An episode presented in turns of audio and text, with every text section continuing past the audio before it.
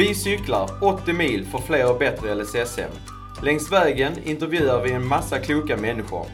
Detta är Funktionshinderbanan. Välkommen till Funktionshinderbanan-podden. Idag sitter jag med Bo Hellskov Elfven som också är en av de som står bakom Funktionshinderbanan. Jag har fått vara med på en liten hörn i alla fall. Ja, ja mm. det är vi väldigt, väldigt glada över Bo. Du, vi har ju börjat eh, alla poddavsnitt med att man får dra en liten lapp ur lådan. Okej, ja. Det ska bli roligt. Får vi se, läsglasögon på. Yes. När städar du ditt hem extra noggrant? Ja, det var en fantastisk fråga. Det är det.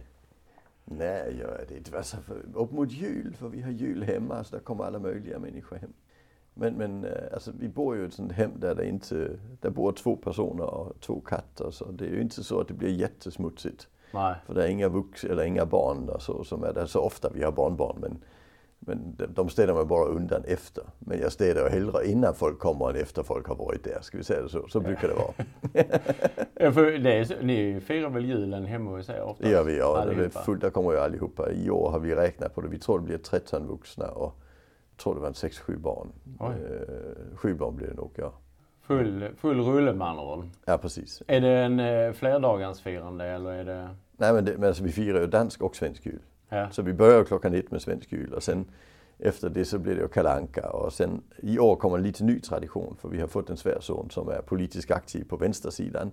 Så vi måste titta på, eh, vad heter han, eh, den här äh, Tage Danielsson-filmen, vad fan heter den? Äh, Ingen aning. Jo, tecknad film. Äh, den här killen som, som ger presenter. Han jobbar på posten och ger presenter till de fattiga. Han heter, ja precis, Karl-Bertil Jonsson. Ah. Måste vi titta på, ja.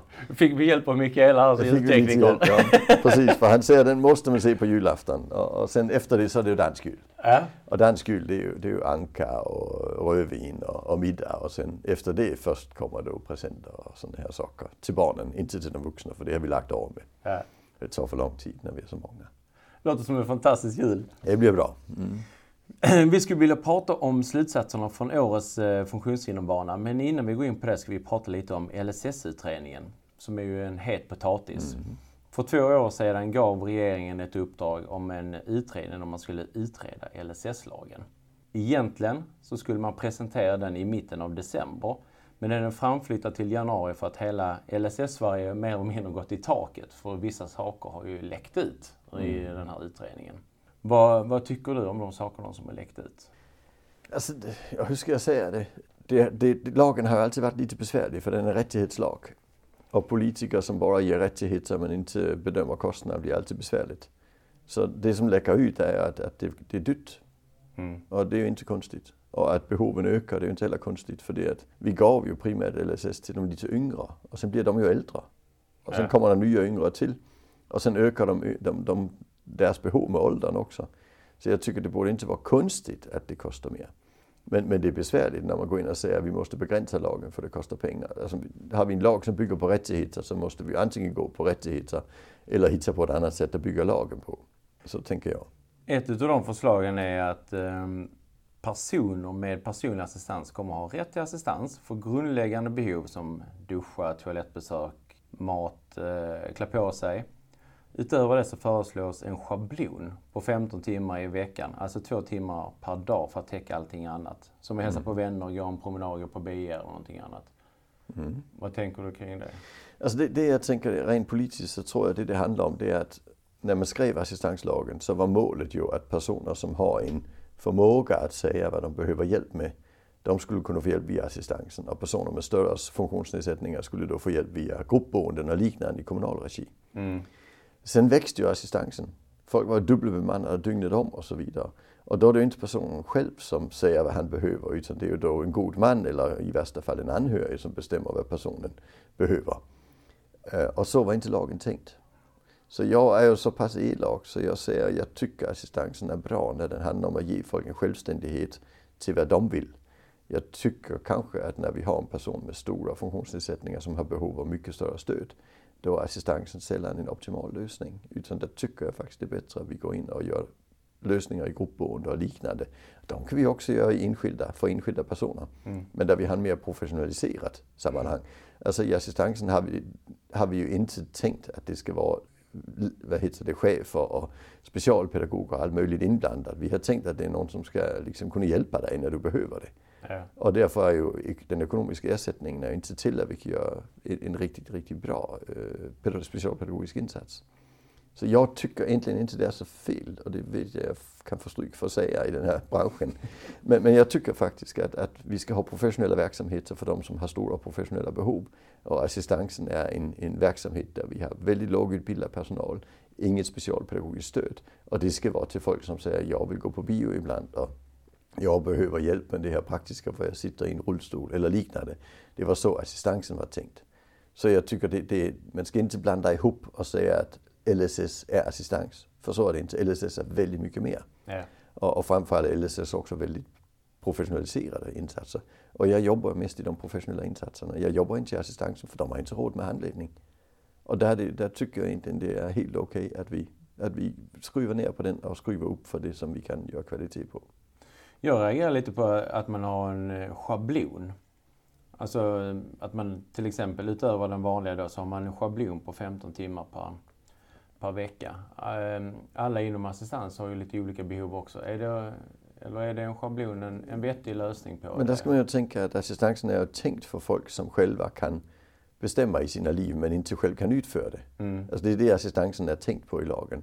Och den person, jag kan jag ha hjälp 15 timmar i veckan till fritidsaktiviteter, hur ska jag då prioritera? Ja. Alltså det, det, det, det är kanske också så att jag inte har 15 timmars fritidsaktiviteter i veckan. Så det är väldigt svårt att säga om det är för mycket eller för lite. Om det är tänkt att gå till fritidsaktiviteter. Men om du tänker att det är tänkt att gå till att få livet att funka för en person med stora funktionsnedsättningar, där är det ju alldeles, alldeles för litet. Men, men där tror jag en del av den övningen som man gör i detta, det är att försöka lyfta över det i, i den kommunala regin, där det egentligen hör hemma från början i lagen också. Ja, och i detta här är det ju det som är utöver det grundläggande behovet. Ja. Så det är ju mer man bedömer ju ändå det, ja, det, det är, man bedömer ändå det grundläggande behovet. Så det är, och, och där tänker jag, jag jobbar ju med personer som är väldigt, väldigt våldsamma och slår personal och så. Och där är det ju sällan assistans är en bra sammanhang. Alltså för du är ju ensam på jobbet i många fall och åker du på stryk och blir nedslagen, där kan du ligga där. Mm. Alltså där ska vi ju vara i en större sammanhang där vi kan överblicka, där vi kan planera arbetet på ett helt annat vis. Och det, och det är ju den typen av verksamhet där vi säger att det här är inte okej. Okay. Men, men där tror jag också vi har fått lite problem med, med den här LSS-lagen i och med att det blev så att vi, eh, vi skapade en, en verksamhet där anhöriga ofta hjälpte barnet när barnet var barn. När det sen blev vuxen så är det en del anhöriga som har fastnat i detta och fortsätter. Och låter de då personer gå över i kommunal regi, då blir de arbetslösa och inte jobbar på 15 år för de har tagit hand om sitt barn. Och får väldigt svårt att komma tillbaka. Och det är ju också sånt som spelar in i en del av den upprördheten. Och, och, och det är ju ett systemfel, mm. alltså, tycker jag. Utan är det den stora graden av stora funktionsnedsättningar, då ska vi ha en professionell insats och inte en anhörigdriven insats. Även om jag förstår att vissa anhöriga har väldigt dåliga erfarenheter med kommunala verksamheter så, så måste vi ha kvalitet i dem. Det är klart vi måste. Men, men det blir besvärligt om, om, vi, om vi tror att det är bättre att göra allt som vi själva tycker. Mm. Utan det är bäst att köra allt så att vi får väldigt bra professionella verksamheter. Och det är svårt att få till i assistans. Alltså det, det, för det, pengarna är för små. Jag, jag läste någonstans i förbifarten också att eh, ett av förslagen var att alla under 16 år skulle vara helt utan assistans. Ja, det, det är fullkomligt vansinnigt.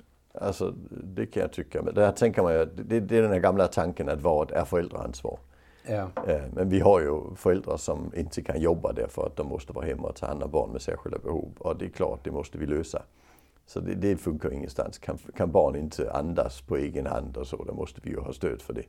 Och, och det är ett assistansansvar. Det är ett, ett, alltså det, är, det är ett ansvar alltså för omsorgen. Mm. Det är inte ett ansvar för, eh, alltså för sjukvård eller liknande. Eh, annars skulle ju barn vara inlagda hela barndomen, det vill vi ju inte heller. Och, jag tycker inte att barnen ska gå över i kommunal regi. Alltså, jag måste ju då gå tillbaka och säga det jag sa innan gäller vuxna. Yeah. Ja, för, för hemma i familjen, där det är klart det ska vara hemma i familjen och där blir assistansen bäst. Sen om det är kommunen som utför det eller vi gör det via assistansbolag, det kvittar ju i princip. Eh, alltså den, den, den, diskussion jag har kring assistansen, det är ju på vuxenfältet. Men har vi barn, där ska det klart de ska bo hemma. Det är klart de ska ha det stödet de ska ha. Ja, för man kan tänka sig om de inte får det stödet under 16 år. Som förälder själv, eh, utan barn med särskilda behov, så är det ju inte så svårt att förstå liksom, om man skulle ha ett barn med särskilda behov man går ju på knäna redan ja. idag som det. Ja, det, det gör du även om du, om du inte har behov av assistans. Ja, exakt. så så det, det, det, är klart, det kan vi, så kan vi inte säga. För då, då får vi räkna med att de, den typen av familjer inte har samma inkomster som andra, inte klarar sig lika bra som andra. Det blir inte bra för barnet heller. Nej. Och man kan ju säga att det har ökat med barn och ungdomsboende inom LSS redan. Ja. Eh, och skulle en sådant förslag komma igenom så är det ju naturligtvis explosionsartat. För oh ja. om man inte klarar av det så klarar, mm. vad ska man göra? Absolut. Och, och jag, jag, är det inte så att jag säger att alla barn och ungdomsboende är dåliga de kan vara nödvändiga för att få saker och ting att funka, inte minst kring avlastning och så vidare. Mm. Eh, men, men, det får inte vara standarden för barn med särskilda behov. Utan det är klart att det, det ska vara i familjen i första hand. Ja. Alltså, så är det. Och där måste vi ha en assistans som fungerar. Sen är det frågan om vi ska kalla det assistans. För igen är det ju så att assistansen handlar ju om att jag bestämmer vad jag behöver hjälp med. Och det gör inte lilla barnet. Mm. Så jag tycker vi skulle kanske kalla det barnomsorg för barn med funktionsnedsättningar eller liknande. Alltså skilja ut det från den vanliga assistansen. Ja. Alltså, det, det, det, blir dumt för lagen är liksom inte skrivet för barn. Den, den, är primärt skrivet för vuxna. Och, ehm, men det är klart, det finns ju extremt många barn som behöver jättemycket hjälp. Och det är ju alltifrån eh, olika funktionsvariationer och diabetes. Där går ett mm. program nu på TV som, där man kan följa föräldrar som får gå upp 12 gånger på natten för att mm. titta olika diabeteslarm och så får de inte eh, assistansen eller hjälpen. Det är ju klart att man mm. går ju på knäna. Ja. Ett stort orosmoment som egentligen är att om man inte kan leva kvar hemma, det vill säga att man inte får assistansen. Eh, och du, oavsett om det är barn eller vuxna, men om vi pratar vuxna nu. Eh, att man ska mer jobba mot eh, gruppbostäder istället. Mm.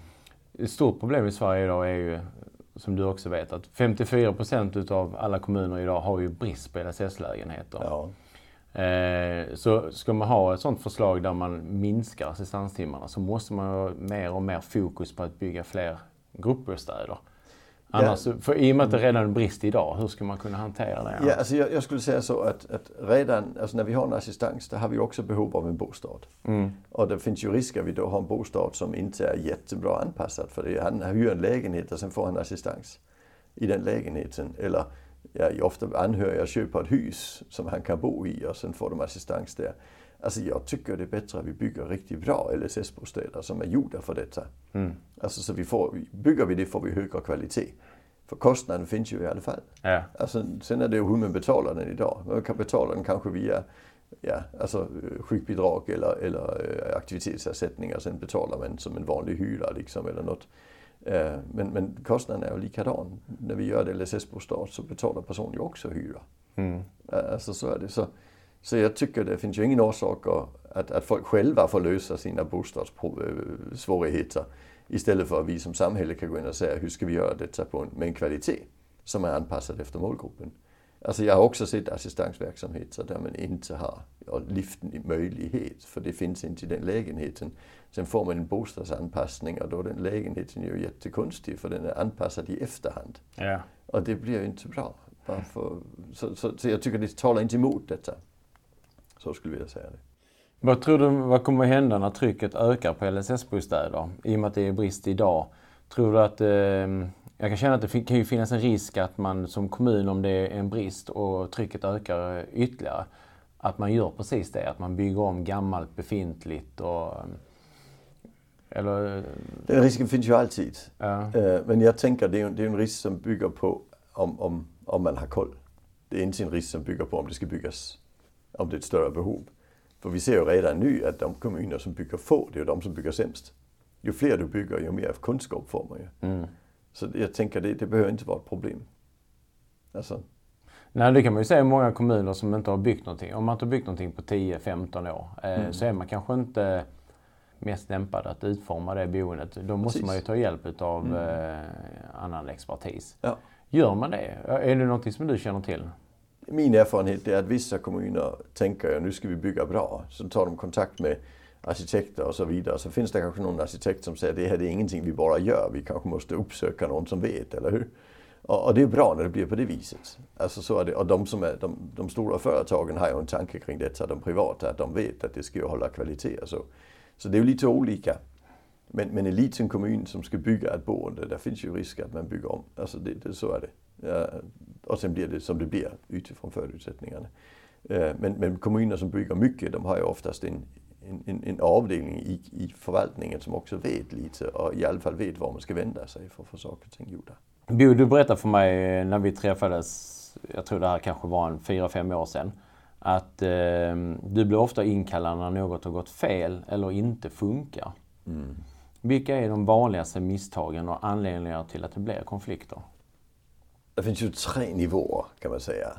Alltså den ena det är ju att, att, att, att det är något som blir fel för att vi inte har tänkt kring hur vi inreder oss. Alltså, och det, och det, det är rent byggnadsmässigt och, och även den pedagogiska inredningen. Alltså man har ställt en soffa framför en TV i ett vanligt uppehållsrum på ett gruppboende. Och sen kommer Kurt och vill se Bingolotto när de andra vill se på fotboll. Alltså det är ju så dumt som man kan skrika, men det händer ju. Øh, sen finns det ju alltså bristande øh, struktur och bristande pedagogiskt stöd från personalens sida som, som gör att det, det krånglar till sig kan man säga. Mm. Uh, och sen är det ju främst då i service, uh, lägenhetsnivån, servicebostad, att, att uh, vi har personer som, vad ska vi säga, där vi har tänkt att det skulle vara ett stöd men där behovet i verkligheten var större. Ja. Så vi har en person som sitter i, i baslägenheten hela tiden och istället för att vara i sin egen lägenhet för hans sociala behov är större. Så jag, jag vill säga att det kan inte vara metod, byggnad eller, eller att behoven är fel mm. tänkta. Så, så vill jag säga. Det är där vi oftast har problemen. Förra året så pratade vi mycket om eh, kognitiv tillgänglighet, vilket är något som jag själv brinner för. Mm. Man specificerar alltid fysisk tillgänglighet, men inte den kognitiva. Nej, precis. Men i år har vi också berört en massa andra utmaningar kring LSS-boende när vi cyklade runt på um, vår 80 mila tur. Ja. Och till exempel i Vänersborg när vi träffade de som vi pratade med där. Mm. Då berättade de att de oftast får åka hem tidigare på grund av um, personalens schema. Till exempel om de åker till en dans. Så får de inte vara kvar där hela kvällen utan um, personalen ska byta uh, skift eller så funkar inte färdtjänsten och så får man inte vara där hela vägen ut. Och när vi pratade med Maggan i Västerås så berättade hon om att det var ett kaos under sommaren när det var för lite personal. Och, eh, vilket resulterat att de boende blev fast i sina lägenheter för att det inte fanns personalresurser nog för att göra aktiviteter eller åka iväg någonstans. Mm. Och vi tänker oss att boendet är mer än bara byggnaden och att den ska vara bra utan allt som ingår där måste fungera, det vardagliga livet. Så boendet är väldigt viktigt men hur tänker du kring de här sakerna runt omkring som gör till exempel att man inte får vara med på dansen hela vägen ut för att det är eh, personalbyten? Det är ju ett klassiskt problem i all den här typen av verksamhet. Sjukvården har samma problem. Alltså sjukvården funkar bättre om det inte är patienter. Skolan mm. funkar bättre utan elever. Där kan vi liksom jobba som vi vill, eller hur? Mm. Alltså, men, men det blir ju att det blir organisationens behov som blir det som blir i centrum. Det är väldigt vanligt. Det är ett väldigt vanligt misstag tycker jag, att organisationens behov blir större än, än klientens. Mm. Eh, och jag tänker att det kan vara likadant i alla andra typer av verksamhet, industrier och så. Plötsligt så håller vi på att producera, nu är vi jäkla bra på att producera Volvo V70. Och sen är vi jätteglada för det. Sen plötsligt så blir det en jättegammaldags bil och det upptäcker inte vi och sen går vi i konka. Det har hänt några gånger i världshistorien. Alltså, för, för, för, för vi gillar liksom bara driften så att säga. Mm. Eh, och där tror jag det är viktigt att säga så kan vi inte jobba med människor. Med människor måste människans behov ju alltid vara i centrum. Och där jobbar vi med det som heter personcentrerat vård och omsorg. Och i de sammanhangen i sjukvården, där, där lägger vi ju ner de här eh, vad ska vi kalla organisatoriska behoven. Och det gör vi ju också i demensvården, har vi jobbat mycket med att lägga ner dem i, i det personcentrerade. Och det tycker jag är helt självklart om vi ska jobba enligt LSS som lag.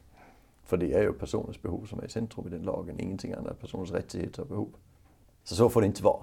Alltså är det så att vi har ett schemaskifte, ja då får vi ju se till att den nya personalen löser av på dansen. Mm. Eller också får vi ha en flexibilitet kring det. och Det får vi avtala med, med berört fackförbund och så vidare. Att vi kan ha den här flexibiliteten, så personen kan vara i centrum. Eh, men, men det, är, det är en konflikt för det oftast blir vad personalens rättigheter mot vad personens rättigheter. Eh, och, och det är en, en ständig, hela eh, var jag kommer i världen, där ser vi detta. Vi har oftast att vi hamnar som, som handledare hamnar i clinch med, med fackförbunden. Och det tycker jag är jättekonstigt. För de ska ju stå upp för, för den anställdas rättigheter. Eh, och vi ska ju stå upp för personens rättigheter. Och där tycker vissa som jobbar där att, att de är likvärdiga. Eh, och det, och det är en jättebesvärlig diskussion, för det är de ju inte. Nej. Alltså vi måste ju anpassa de avtalen vi har med fackförbunden kring anställningar så, så att vi kan lösa det grundläggande uppdraget vi har. Alltså, annars finns det ingen orsak att vara där om inte vi löser det. Så skulle man kunna säga. Och det finns ju exempel om man kan lösa det. Jag var själv på Skånerock eh, utanför Lund. Eh, som hålls på ett ställe som heter Farmkök. Det ligger mitt ute på landet. Mm -hmm. Och i Skånerock där jag kan ha varit 800-900 personer eh, inom LSS och mm. eh, personal. Och det var ju fullt tryck ända in tills det stängde. Mm. Och då ligger det ändå ute på landet. Så någonstans, alltså om man tänker kring färdtjänst och så. Om 800-900 personer kunde lösa det därifrån. Jag kan tänka mig mm. annars att om alla vill ha färdtjänst ungefär samtidigt att det kan bli ett problem. Men uppenbarligen så löser man det på något annat sätt här. För mm. här var det alla in till festen slutade och sen så åkte man hem. Och då ja. var det ändå mitt ute på landet så det fanns liksom inte någon övrig kommunikation att, att ta till. Nej. Alltså, I Danmark har vi den som heter Sølundfestivalen och det är ju en tre dagars musikfestival för personer eh, med särskilda behov. Och där bor personal också i tält.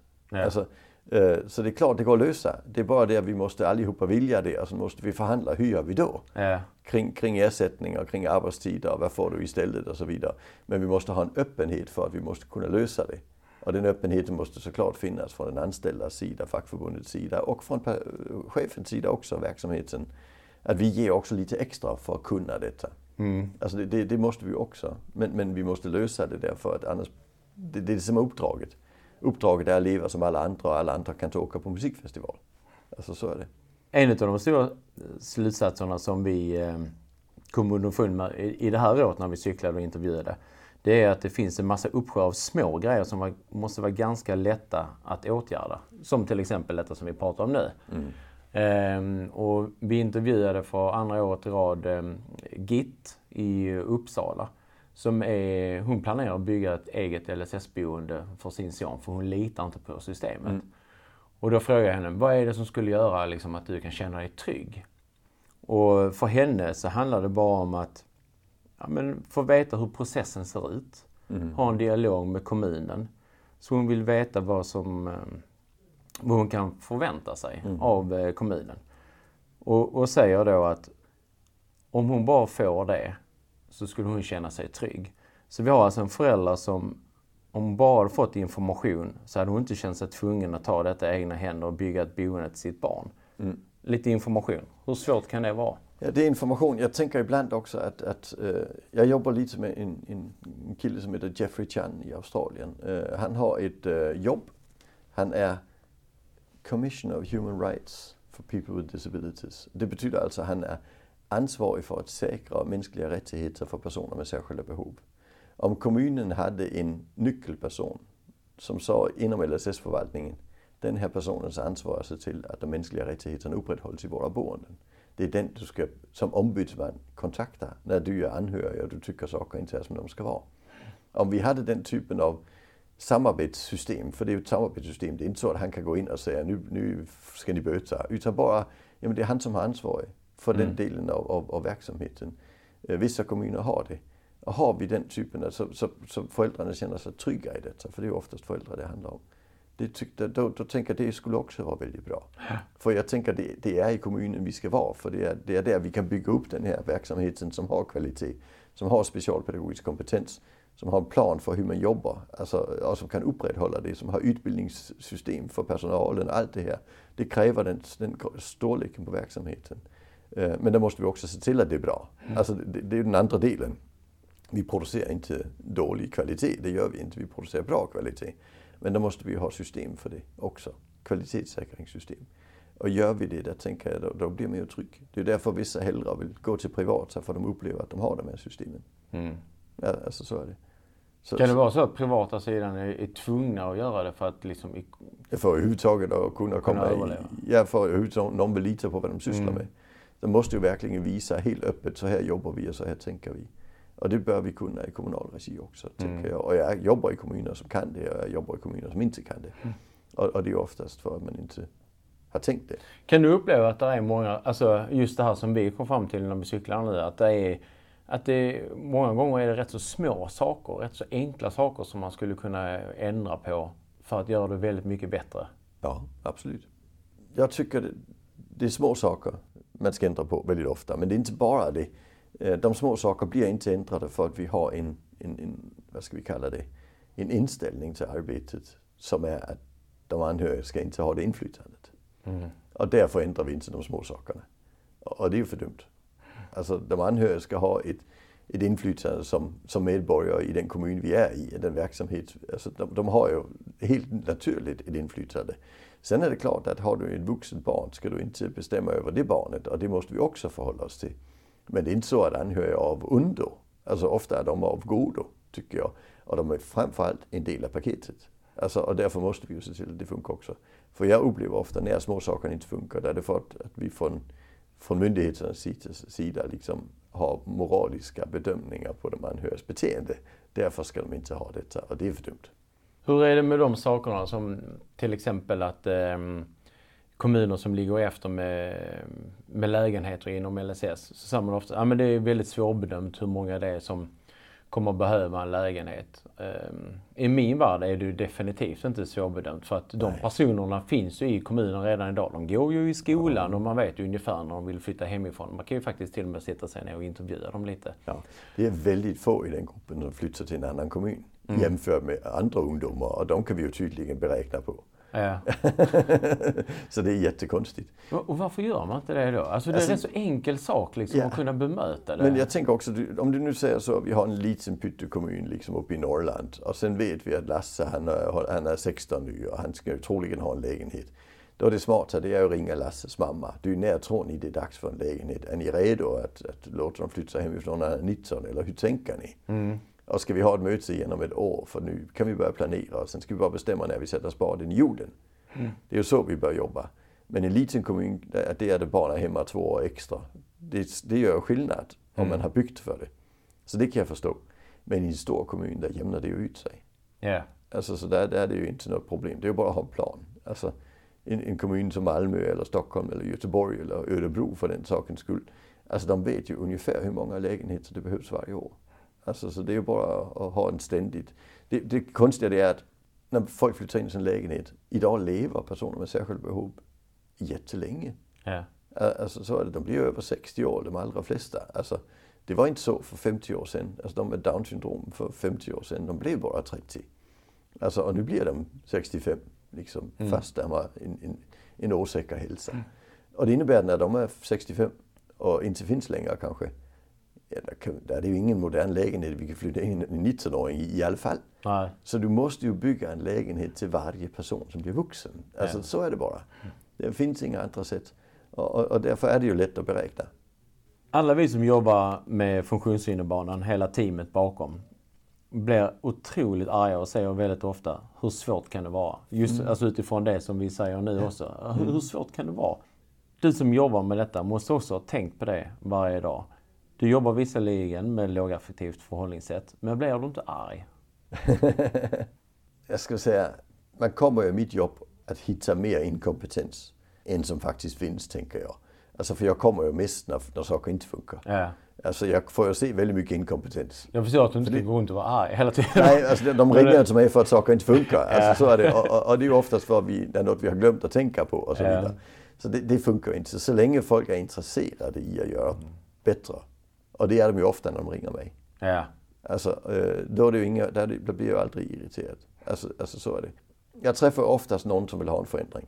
Men sen är det mycket möjligt att det sitter någon person som inte vill ha en förändring. Mm. Och som man har accepterat att den personen är strulig och man gör sig inte av med den anställda. Där kan jag bli irriterad på ledningen. Varför låter ni honom sitta kvar och sabba för alla andra? Liksom, för han sitter där och säger konstiga saker. För han har inte ett rättighetsperspektiv. Mm. Men han har väldigt mycket informell makt. Så kan det till exempel vara. Och där brukar jag informera ledningen att den där personen kostar er pengar. För ni kan inte bedriva en bra vård när han sitter i pausrummet øh, eh, och personalrummet och, och säger de här sakerna. För nyanställda kommer ni att få problem men ni får, kommer få mer genomströmning och så vidare. Det är smart att göra av med en person som ställer till det. Han har fått handledning i massa år. Så sen kan jag irritera mig på att ibland är det sådana personliga saker som gör att folk sitter i jobb de inte ska ha. Mm. Alltså, och, och, det är väl generellt i hela världen att vi har den typen av personer sittande. Men det är inte så stort ett problem i en verksamhet där de tjänar lite mindre på Volvo när de har en sån. Här handlar det om att någon får en mycket sämre livskvalitet. Mm. En person som är sårbar. Och det är ju inte okej. Okay. Men alla andra situationer, det är ju för att folk vill ha stöd att jag kommer. Så där, där blir jag inte irriterad. Sen ser jag ibland sådana riktigt hiskliga saker. Men det ser jag oftast när någon annan har tagit över och sagt nu ska vi ändra detta. Och då kan man ju säga, vad fan gjorde de här liksom? Och det är ju inte okej. Okay. Men där är vi ju redan igång med att göra det bättre. Det, det är ju det som är den stora skillnaden. Ja. Vi kommer ha en videoserie kring det här på temat Hur svårt kan det vara? Ja, vad kul. Ja. Mm. Vi kommer bland annat eh, prata om att kommunerna skyller bristen på att det är svårt att planera framåt. Att det är svårt att veta hur många som behöver boende om till exempel fem år. Det borde inte vara så svårt. De här personerna finns i kommunen. Ja, precis. precis som vi Och eh, att man ska få dansa klart. Ja. Att eh, i Vänersborg så ska de få dansa klart. Tycker jag. Och inte bara i Lund på farmkäk. Ja, precis. och också att man, eh, mindre kommuner som ska bygga LSS-boende, att de, om man inte har den egna kompetensen så borde man kunna gå till expertis. Eller man kan gå till andra kommuner som har goda exempel. Mm. Det är heller inte så svårt. Nej, precis. Och, och det blir ju oftast billigare att bygga rätt. Alltså, så det är en fördel att gå till expertisen. Det, det är ju viktigt att säga. Ja. Bo, med de orden, ett fantastiskt stort tack för att du tog dig tid att komma hit och prata med mig. Mm. Det är jätteuppskattat och väldigt intressant att höra. Och eh, ni som följer det här, ni kan eh, hänga kvar på våra kanaler Facebook och vår hemsida. Så ska ni få se den här videoserien Hur svårt kan det vara? Mm, det blir roligt. Tack så Tack. mycket för att jag fick vara med. Tack så mycket. Funktionshinderbanan presenteras i samarbete med Emrahus, Trident, Hemfosa, Nordic Choice och psykolog Bo Hellskov, LVM.